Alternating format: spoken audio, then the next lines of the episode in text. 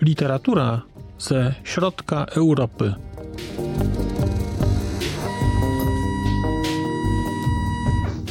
Podcast około książkowy.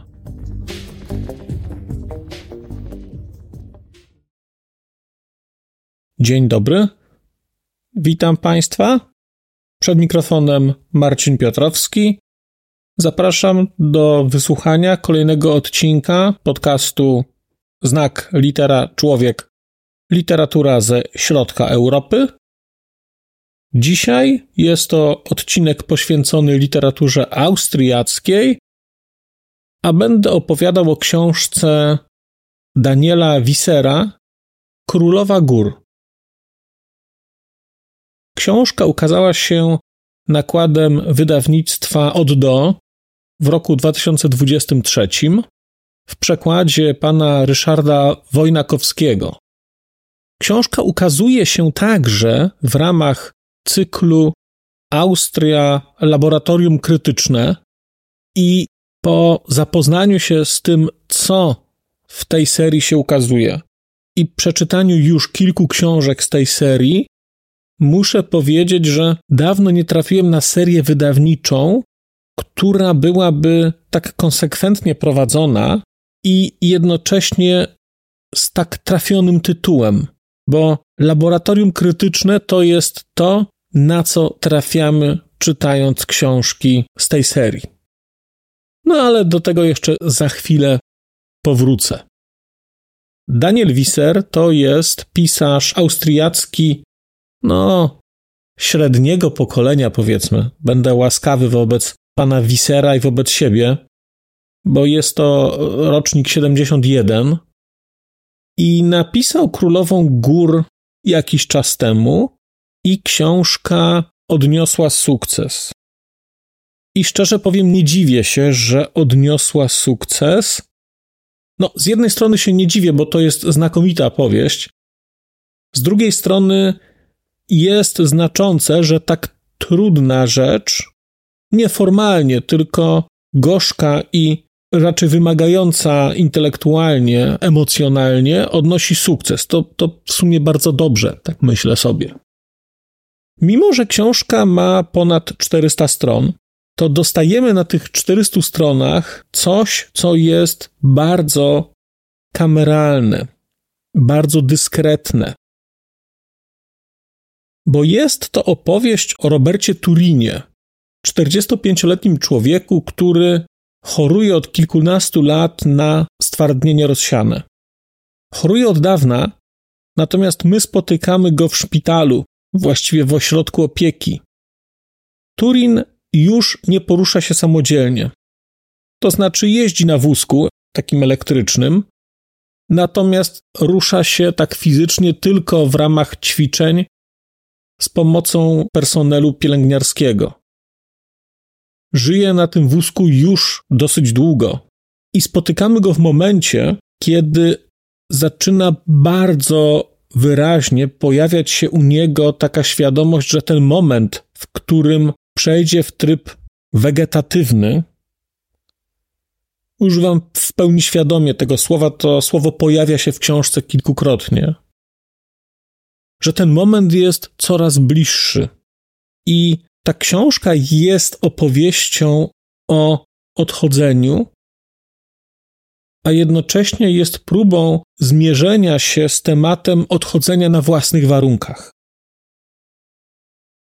Robert Turin powiedziałbym, że przechodzi przez próby. Przechodzi przez próby życia, bo kiedyś żył aktywnie, korzystał z życia. To była próba. Był przyzwoitym człowiekiem, zachowywał się raz lepiej, raz gorzej, ale był taką duszą towarzystwa. Ale teraz przechodzi przez próbę życia innego, bo teraz przechodzi przez próbę życia na wózku, przez próbę życia w zamkniętym środowisku, przez próbę życia z bólem i ze świadomością bardzo konkretnego wstecznego odliczania. To życie jest także próbą nie życie. Bo w tej książce będziemy świadkami, czy będą Państwo świadkami, ja już byłem, jakichś prób poradzenia sobie przez Turina z problemem życia. Bo życie jest dla niego problemem. Przechodzi także przez próby miłości. On jest żonaty, żona opiekuje się nim, czy właściwie przyjeżdża do niego do ośrodka, stara się o niego dbać, ale ten związek się gdzieś rozpada. Ale słowo rozpada jest niewłaściwe. Powiedziałbym, że ten związek ulega rozluźnieniu. I ulega rozluźnieniu na skutek bardzo intensywnych prac Turina. On zdaje sobie sprawę, że ma żonę, która jeszcze jest młodą, atrakcyjną kobietą i chce skłonić ją do tego, żeby zaczęła żyć własnym życiem, żeby przestała odwiedzać go, żeby przestała zajmować się nim, a zaczęła zajmować się sobą.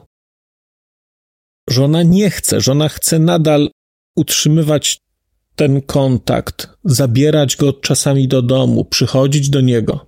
Ale to zaczyna pękać. To zaczyna pękać, bo główny bohater chce odejść. Chce odejść ze świata. W Austrii, kraju katolickim, jest to niemożliwe. Nie ma możliwości przeprowadzenia eutanazji, przeprowadzenia jakiegoś kontrolowanego samobójstwa czy pomocy w samobójstwie. Bo zwróćcie Państwo uwagę, że osoba taka jak Robert Turin nie jest w stanie popełnić samobójstwa. On się z tym problemem mierzy, bo kilkukrotnie próbuje, ale będąc odciętym od pewnej fizyczności, od sprawczości, nie jest w stanie zakończyć życia. Potrzebuje do tego asysty. I w dużej części książka Królowa Gór jest książką o poszukiwaniu tej asysty. Ta książka ma znakomity temat. Znakomity temat. Kiedy tę książkę zaczynałem czytać, no to wiedziałem, że to będzie książka o osobie chorej na stwardnienie rozsiane. Jednocześnie nie do końca rozumiałem głębię problemu, który tu jest pokazany. Wraz z zagłębianiem się w tę lekturę doceniałem i problem, który tu jest postawiony, właściwie kilka problemów. Tu są pokazane relacje w ramach takiego małego zespołu, który funkcjonuje w zamkniętym ośrodku, w takiej właściwie bardzo małej wspólnocie.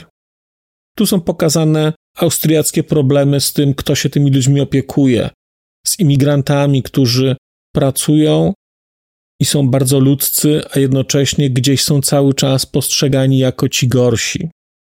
Tu są pokazane problemy z narzucającą się, dominującą, nazwijmy to etyką. Etyką, która preferuje ból innej osoby w miejsce pomocy, bo jest to przekroczenie pewnych ram, pewnych norm. Jednocześnie jest to etyka, która uniemożliwia też wspieranie pewnych decyzji. Decyzja Roberta Turina o próbie odejścia wymaga wyjazdu do Szwajcarii. I też jest tak, że nie ma możliwości specjalnie załatwienia tego. To wszystko trzeba robić w tajemnicy, bo zostanie się umieszczonym w zakładzie psychiatrycznym i będzie się wegetować do końca, na dodatek w ramach jakichś zamkniętych zakładów. Głębie tego, z czym się tutaj spotykamy, podkreśla też piękno języka. Ten język jest bardzo prosty, to są proste zdania. Staram się znaleźć jakiś wspólny mianownik tych zdań, ale chyba nie potrafię. Ten język jest bardzo prosty, bardzo zwyczajny, bardzo taki zdystansowany. Bardzo sprawnie, bardzo dobrze nakreślony jest portret psychologiczny głównego bohatera, bo poznajemy go jako człowieka z jednej strony zgryźliwego, złośliwego, człowieka, który potrafi zwłaszcza nowe siostry, nowy personel doprowadzić do płaczu.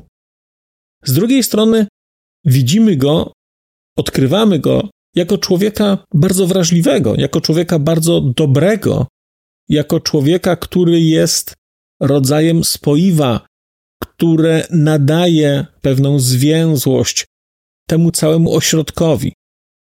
On wnosi tam dobre fluidy, on wnosi tam dobrą karmę, mimo że sam jest nieszczęśliwy, mimo że sam chce odejść, to jednak swoją bytnością, swoją osobowością, swoją taką chęcią mówienia dobrych rzeczy we właściwym momencie, sprawiania, żeby ludzie się umawiali, żeby się poznawali, dodaje wartości temu miejscu. I jest to piękne, bo możemy zobaczyć, że można być człowiekiem pozytywnie zgryźliwym, pozytywnie złośliwym, ale jednocześnie w kontekście całej tej choroby widzimy, dlaczego to prawo do tej zgryźliwości się pojawia. Bardzo ciekawe są w tej książce rozwiązania formalne, które Wiser stosuje. Wszystkie dialogi, które się tutaj pojawiają, są zapisywane w formie zbliżonej do zapisu sztuki teatralnej. To znaczy, nie mamy klasycznej półpauzy, tylko mamy, jak w dramacie, napisane kto coś mówi, czyli mamy napisane pan Turin i jest jakaś wypowiedź. Siostra taka, jest jakaś wypowiedź. W tej formie toczą się wszystkie rozmowy w tej książce. Wszystkie z wyjątkiem ostatniej. Dlatego, że w którymś momencie zamiast pana Turina, do którego zdążyliśmy się na 380 stronach przyzwyczaić, nagle pojawia się słowo ja. Ja, wypowiedź, ja, wypowiedź. Moment, w którym się ta narracja zmienia, jest nieprzypadkowy, ale zostawię Państwa z tym, żebyście sobie sami do tego dotarli, sami się tym nacieszyli. Nacieszyli się pięknem konstrukcji tego. Są tutaj także bardzo ciekawe rozwiązania formalne na poziomie struktury tekstu. Mamy więc tutaj takie, nazwijmy to, teksty równoległe. Mamy dialogi, w których jedną rzecz się myśli, a drugą rzecz się mówi. To jest pokazane w formie takiego dialogu podzielonego na dwie szpalty. Mówimy to, ale tak naprawdę myślimy o czymś innym.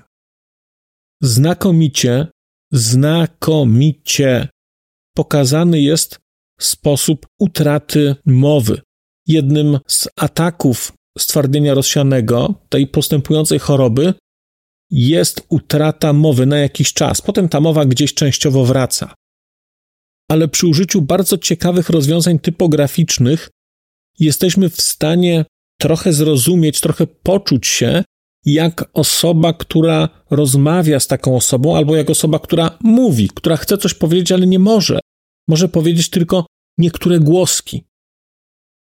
Bardzo to poruszające jest, kiedy to się w tym tekście pojawia, bo czytamy coś, cały czas czytaliśmy ten tekst normalnie.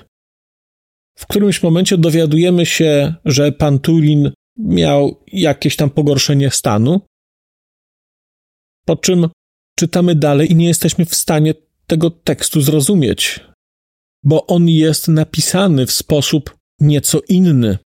Brakuje różnych rzeczy. Potem następuje taka faza powrotu tej zdolności mówienia, i ten proces też jest pokazany na poziomie typograficznym. Bardzo, bardzo interesujące, bardzo przejmujące i również nawiązujące do okładki.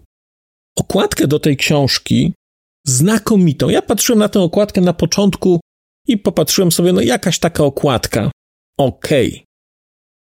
Okładkę do tej książki zaprojektowali panowie Frycz i Wicha. I jest to znakomita okładka.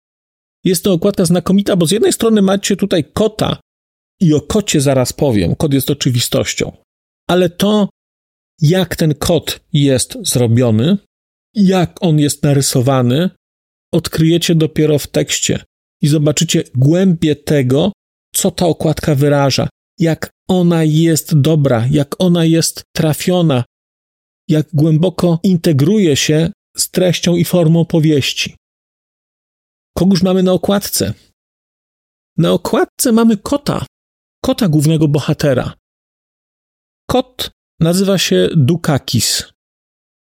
I teraz mały quiz dla Państwa. Kto z Państwa wie, skąd jest ta nazwa? Czy mówi coś Państwu słowo Dukakis? mówiącemu te słowa, mówi z jednej strony dobrze, bo nie jest z nim jeszcze najgorzej, z drugiej strony, no, pokazuje to jednak wiek, pokazuje to jednak wiek. Michael Dukakis był bowiem konkurentem George'a Busha seniora w wyborach prezydenckich w Stanach Zjednoczonych i chyba w 1988 roku był Dukakis, y, y, przegrał te wybory. I niesamowite dla mnie było to, że ja cały czas to nazwisko pamiętałem i jak dowiedziałem się, że kot nazywa się Dukakis, to pomyślałem sobie, ale ja znam tylko jednego Dukakisa. I nagle okazało się, że to jest ten Dukakis, że właśnie główny bohater nazywa swojego kota Dukakis. Dukakis spełnia w tej książce bardzo istotną rolę, bo my poznajemy Dukakisa, kiedy już go nie ma. A może zresztą o tym, kim jest Dukakis, opowie on sam? Towarzyszyłem panu Turinowi od 1988 do 2005 roku. W okresie, kiedy wyprowadził się z domu rodziców, jego ojciec zmarł, on sam zaczął pracować, założył firmę, poznał Irenę, ożenił się z nią, a potem przeprowadził do mieszkania własnościowego, w którym mieszkał do końca swojej działalności zawodowej, dopóki wskutek choroby nie utracił całkiem zdolności do pracy. Także ja byłem chory, bardzo chory, ale już bardzo stary. Pan Turin płakał po raz pierwszy od śmierci ojca, kiedy razem z weterynarzem doszli do wniosku, że trzeba mnie uśpić. Najlepszy okres jego życia był już wtedy za nim. Najpierw Turin używał do chodzenia laski, później balkonika. Stało się rzeczą jasną, że jego stan będzie się pogarszał. Płakał więc też nad sobą. Ja byłem tylko kocurem, który przypominał mu tamte lata. No dobrze, umierając nie musimy cierpieć. Ale czy miałem się z czego cieszyć w trakcie życia? Lepiej się nad tym nie zastanawiać. Spędziłem życie w zamknięciu. Okaleczono mnie przez usunięcie genitaliów. O monotonnej diecie nie będę nawet mówił. Pan Turin zawsze skarży się na jedzenie tu w zakładzie. A czy moja karma przez prawie 17 lat nie była równie monotonna? Nie czynię Turinowi wyrzutów. To nie jest zły człowiek. Tyle, że nigdy nie miał czasu dla ludzi i kotów, którzy byli mu najbliżsi. A dzisiaj tego żałuję. Ale nie z tego powodu dostał SM. W ogóle nie ma takiego powodu, dla którego pan Turin dostał SM. Są przyczyny tego stanu rzeczy, ale nie ma powodów. Ludziom najtrudniej właśnie to zrozumieć. Kto znał pana Turina przed chorobą, przejmował jego sposób obchodzenia się z nią. Irena postanowiła zostawić przeszłość w spokoju i dostrzegać w mężu wyłącznie chorego człowieka, który leży teraz w zakładzie opieki. Jej siostra traktuje go wprawdzie jak normalnego człowieka, ale właściwie się nie widują, ponieważ on prawie przez cały czas przebywa w zakładzie. To typowa lekarka, dla niej istnieje tylko życie i śmierć. Choroba jest dla niej czymś, co wiąże się z pracą, nieprzyjemnym słowem, na które w życiu prywatnym nie powinno się w ogóle reagować. A poza tym nie ma już nikogo, kto by znał zdrowego Turina. To znaczy, naturalnie, są takie osoby. Soporanowie i Leny tego świata, ale im nawet nie przyszło do głowy, żeby go tu odwiedzić. Jednak również Turin skończył z dawnym życiem. Teraz nie jest już Robertem Turinem, tylko panem Turinem. Nie jest już ja, tylko on. Kupując mu tablet, Irena chciała wzbudzić u niego ochotę na zajmowanie się znowu komputerami. I on nawet to robi, ale bez związku z wcześniejszym życiem. Ja w dalszym ciągu ćwiczę moje przemówienia z okazji objęcia urzędu. Mam czas. Martwy kocur ma nieskończenie dużo czasu. Dukakis dostanie swoje przemówienie. George Herbert Walker Bush w swojej mowie inauguracyjnej powiedział: The best of America is yet to come. A ja mówię: Death is not the end. Kiedy Turin będzie martwy, kiedy nie będziemy już uwięzieni w tym dusznym zakładzie śmierdzącym przecieranymi zupami, Turin i ja będziemy żyć tam, gdzie chcemy. Wtedy będziemy śmiać się i patrzeć na chaos, jeżący włosy na głowie, na potworną dezynwolturę świata i mówić: Death is not the end. Nie ożywimy martwych, nie uczynimy Ameryki większą niż jest. Ale zwolnimy miejsce na oddziale SM tutejszego zakładu i damy Irenie trochę więcej wolności. Potem będzie musiała tylko dwa razy do roku chodzić na cmentarz, żeby postać przez parę minut nad grobem Roberta, bo tak właśnie postanowiła. Ja, Dukakis, prezydent Stanów Zjednoczonych, nie mam grobu. Żyję we wspomnieniach innych ludzi. I powiadam, Bóg nie będzie was błogosławił, jak nie będzie również błogosławił Ameryki. Death is not the end. W tym miejscu mojego przemówienia podczas inauguracji zacznie padać deszcz. I Dukakis jest tutaj obecny cały czas. Dukakis jest jakąś formą projekcji. Zarzuca to zresztą panu Turinowi znajoma psycholożka, mówiąca: Gadasz z kotem, którego nie ma. Ten kot komentuje twoje życie. To nazywa się projekcja, potrzebujesz pomocy psychologicznej. Jednocześnie ten kot jest jakimś alter ego pana Turina. Jest życiem, jest trochę też poszukiwaniem śmierci, jest rodzajem złośliwości. Znakomicie skomponowana postać kota, znakomicie wpasowana relacja. Bardzo, bardzo to jest dobre. Wspominałem o tym, że Robert Turin jest dobrym człowiekiem. Ta dobroć wykracza poza granice tego, co jako dobroć rozumiemy, bo ta książka jest bardzo mocnym głosem w dyskusji nad tym, co znaczy być dobrym człowiekiem. Czy rzeczywiście kwestie etyczne, które znamy, są kwestiami etycznymi, które są stałe i niezmienne? Pytanie, co można człowiekowi, który jest chory, podarować największego? Robert Turin odwiedza w tym szpitalu człowieka, który przez długi czas był także pacjentem oddziału tego, na którym przebywa Turin, ale jego stan się pogorszył znacząco. Dostał wylewu i właściwie leży i czeka na koniec i męczy się. Turin odwiedza go i proszę posłuchać następującej rozmowy. Pan Turin. No więc zawsze myślałem, że ten młody człowiek, kiedy był jeszcze w kafeterii, myślałem, że wpadła mu w oko moja żona. A tymczasem wpadła mu w oko moja szwagierka, która jest lekarką w szpitalu ogólnym. W każdym razie przyniosła mi tabletki, żebym. Rozumie pan? Wtedy będzie łatwiej. W moim przypadku mogę to jeszcze sam. Ale pan, panie Kelemen, ja. Ja niestety nie mam na to siły. A tutaj na pewno jestem obserwowany. Musiałbym dać panu tabletki, a potem wziąć pańską poduszkę Rozumie pan? I potem tę poduszkę mocno przycisnąć panu do ust i nosa przez 3-4 minuty. Nie dam rady. Niestety. Ale byłby pan wybawiony. Pan Kelemen. Tak, tak, tak, tak. Pan Turin. No więc niech się pan na mnie nie złości, ale ja nie mogę. Zresztą moja żona też zawsze mi mówi: Ja tego nie mogę zrobić. To straszne, że nikt się o nas nie troszczy. Stare warzywo się zostawia, żeby samo zgniło. Dziwna idea człowieczeństwa.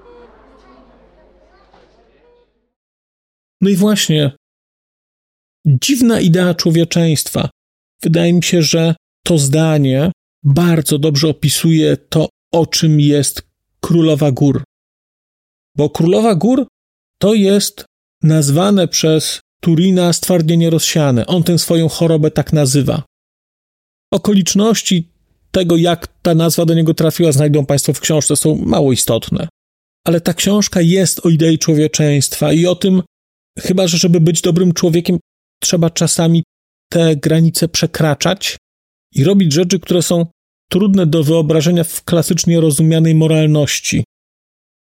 Puryści powiedzą, że nie ma dwóch moralności, jest tylko jedna. No, zachęcam, zachęcam do przeczytania Królowej Gór. Jednocześnie dodałbym tylko, że może się wydawać, że jest to książka jakaś dojmująco smutna. Rzeczywiście ona jest smutna i no, doprowadziła mnie w kilku momentach do takiego naprawdę głębokiego wzruszenia i takiego poruszenia. Ale jest napisana w sposób szalenie ujmujący. Momentami to jest dowcipne, momentami, właściwie w większości to jest raczej lekko napisane. Na tym też polega siła tej literatury, że tu jest bardzo poważny temat, najpoważniejszy, a jednocześnie jest to napisane w sposób, który wydaje się nieprzystający do tego tematu, ale tym bardziej to podkreśla właśnie wagę tego problemu. To, jak rozmawiają pielęgniarki, całe historie, które się gdzieś tutaj pojawiają, konteksty miłości, bo pan Turin właściwie tuż przed śmiercią się zakochuje, to wszystko nadaje takiej głębi i czyni tę książkę lżejszą w odbiorze. Mimo, że nadal dojmujący będzie smutek, ale nie jest to książka dołująca. Wydaje mi się, że to jest książka, która jest książką oczyszczającą, że to jest książka, której lektura może wyzwolić w czytelniku rodzaj katarzis. To jest bardzo, bardzo dobra literatura. Wydaje mi się, że ta książka jest niedostatecznie doceniana. Nie wiem, jest to, jest to coś znakomitego. Nie spodziewałem się, że, że na coś takiego trafię. I tutaj też tak było, że kiedy ta książka się zaczynała, to na początku jakoś nie byłem w stanie łatwo złapać tego, o czym ona jest i tej głębi. Ale z czasem to wszystko nabiera takiego wyrazistego charakteru.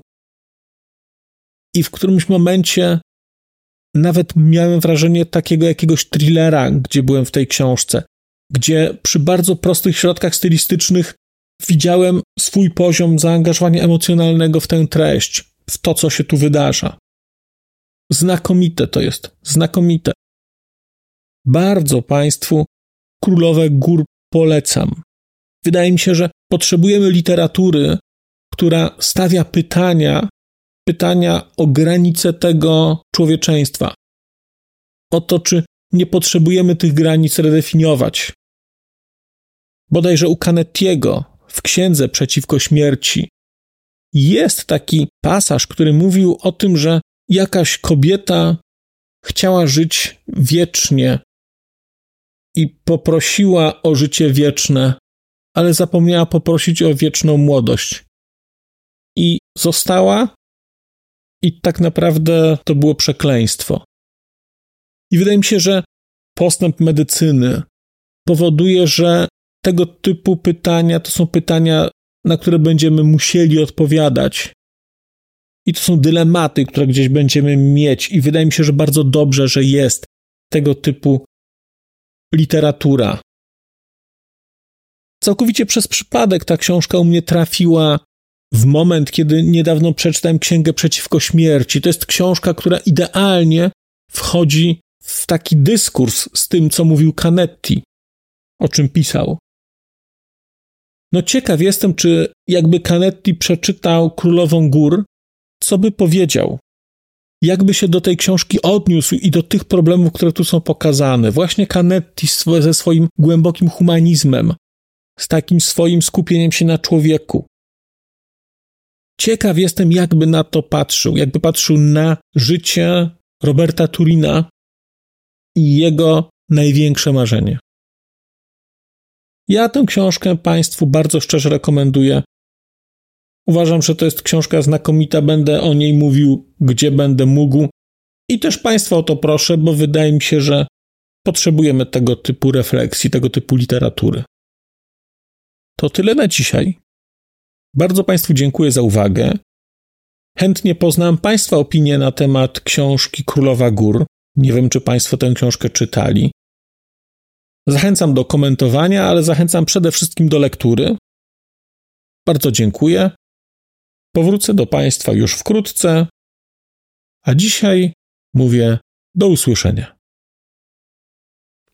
A już zupełnie na koniec powiem, że skoro wysłuchaliście Państwo tego odcinka, to w jego opisie znajdziecie link do serwisu YouTube. W wersji YouTube'owej e, jest miejsce na skomentowanie go. To jest takie miejsce, gdzie można komentować ten odcinek, rozmawiać, zadawać pytania, wymieniać się spostrzeżeniami, do czego Państwa bardzo zachęcam, gdyż udało się już na tym YouTubie zgromadzić trochę bardzo ciekawych osób, bardzo ciekawych komentarzy i trochę stworzyć taką społeczność ludzi rozmawiających o książkach. Też na koniec, zupełnie na koniec, e, poproszę Państwa o wystawienie oceny mi w ramach e, tych platform podcastowych, na których Państwo tego odcinka wysłuchaliście. I nieważne jaka ta ocena będzie, istotne dla mnie po prostu, że będzie. Tymczasem się żegnam już naprawdę i do usłyszenia za czas jakiś.